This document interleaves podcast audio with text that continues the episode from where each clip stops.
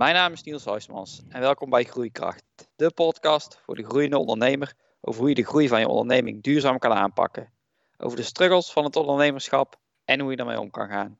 We kunnen het erover eens zijn, het zijn spannende tijden die veel van ons vragen qua aanpassingsvermogen, flexibiliteit en creativiteit. Thuiswerken is op ons werkveld relatief makkelijk, maar dat betekent niet dat wij niet voor uitdagingen staan als het gaat om thuiswerken. Wij zijn vier collega's, ieder in een andere situatie. Wij geven je tips om thuis zo efficiënt en zo fijn mogelijk te werken. Wat leren we zelf van deze situatie? Kunnen we nog groeien als personen en als organisatie? Vandaag mag ik onze podcast-host Rebecca zelf aan de tand voelen. Ik ben benieuwd.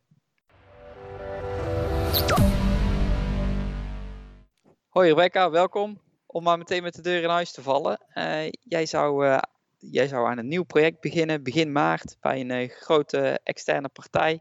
Uh, alleen toen kwam de corona om de hoek kijken en kon jij niet starten.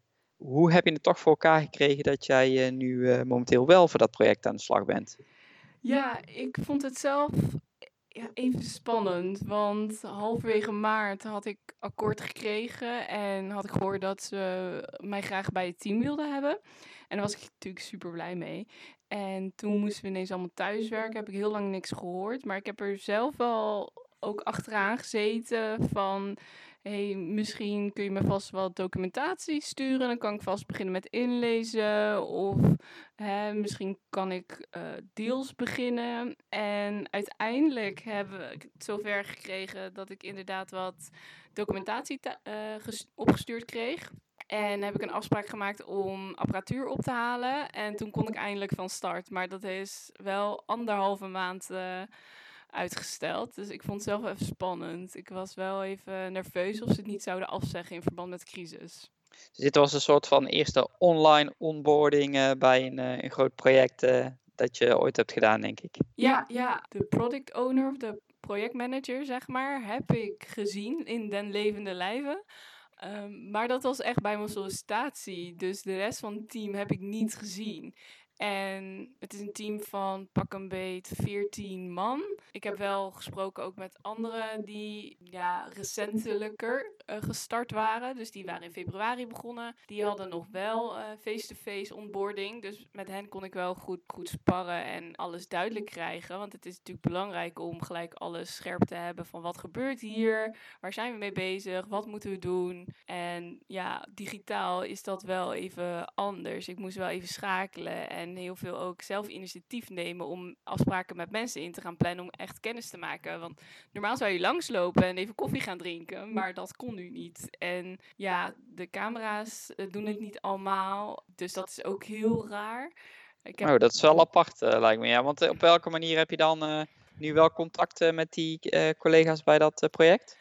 Nou, we hebben de meeste in ieder geval een fotootje erbij staan. Dus dan heb je toch een beetje een idee van een gezicht dat erbij hoort. Maar je ziet geen gezichtsuitdrukkingen. Dus dat is dus ook heel raar. Dus ik ben benieuwd als we weer een keer op locatie mogen zijn, hoe dat gaat zijn. Want dan werken we bij wijze al van maanden samen. En dan zien we elkaar eigenlijk voor het eerst. Dus ik moet ook afgaan op de stem.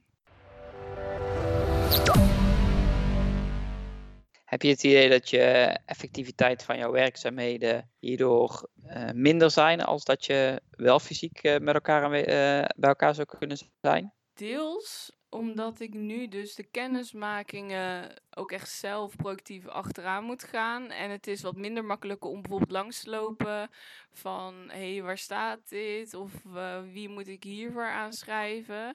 Ik moet nu in, in agenda's gaan kijken of ze niet in een belletje zitten als ik bijvoorbeeld vragen heb en even mijn leidinggevende wil bellen.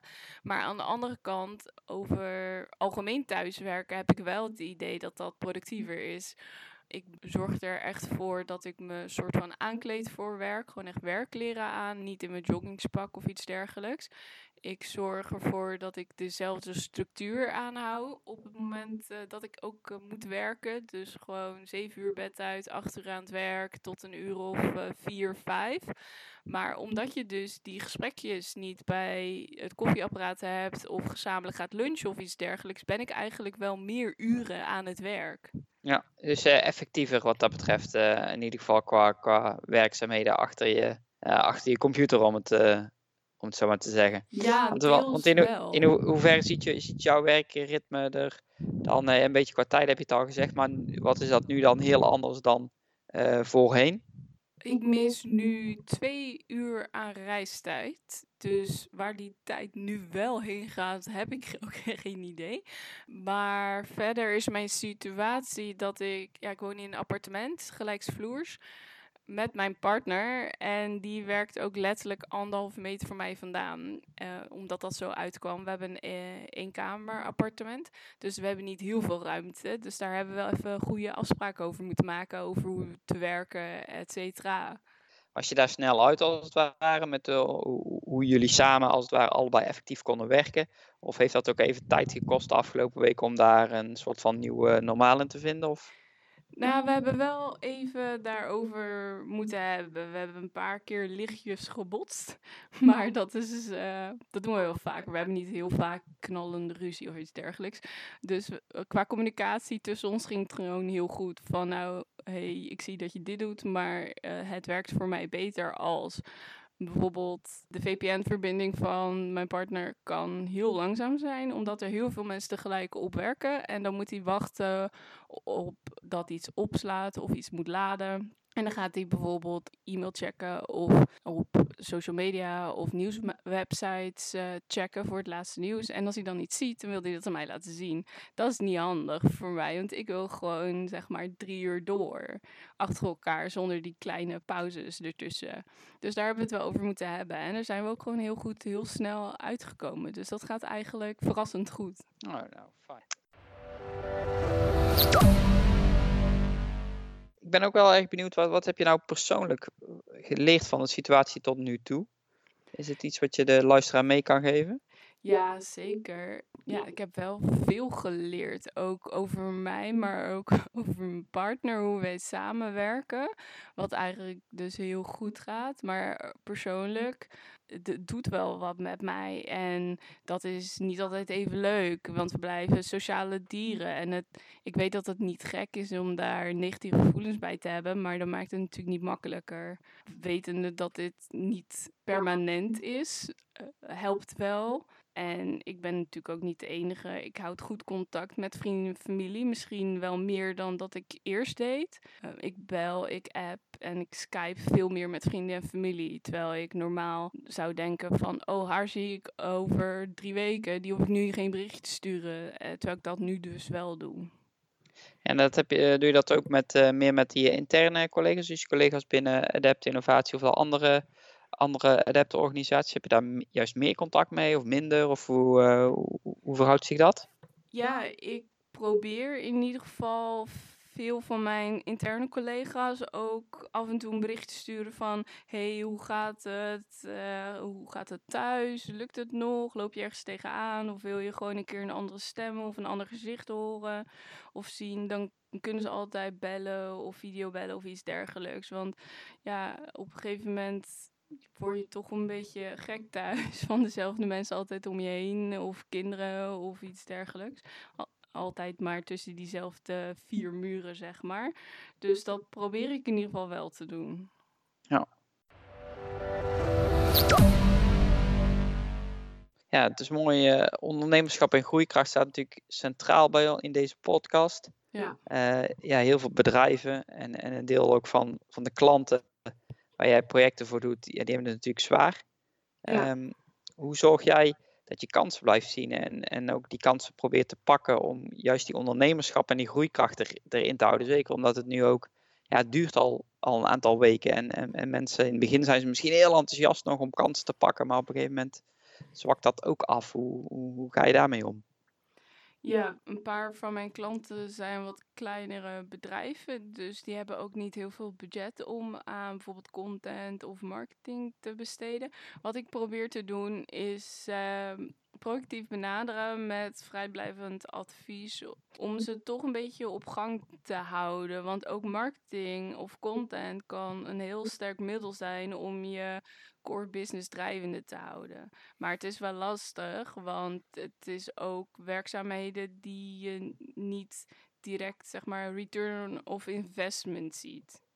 Ja. duidelijk. Ja, en het is natuurlijk makkelijk voor organisaties om daar uh, meteen even de kraan uh, op dicht te draaien natuurlijk. Ja, het is wel uh, een van de werkzaamheden die snel wegbezuinigd wordt om zich te richten op dingen die direct geld in het laadje brengen.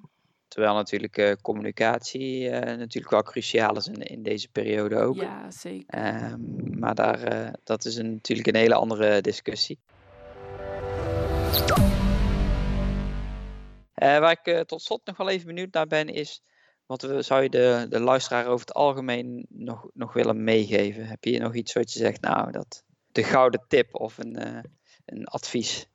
Nou, ik vind communicatie echt heel belangrijk. Dan wel met je interne collega's, dan wel met de collega's van je opdracht, dan wel met je partner. Want mijn partner en ik zijn er heel snel heel goed uitgekomen omdat wij goed communiceren en snel strubbelingen de kop in kunnen drukken. En dat moet je ook bij je collega's kunnen doen of aan kunnen geven van hé, hey, ik heb gewoon even een kuddag, kunnen we gewoon even praten.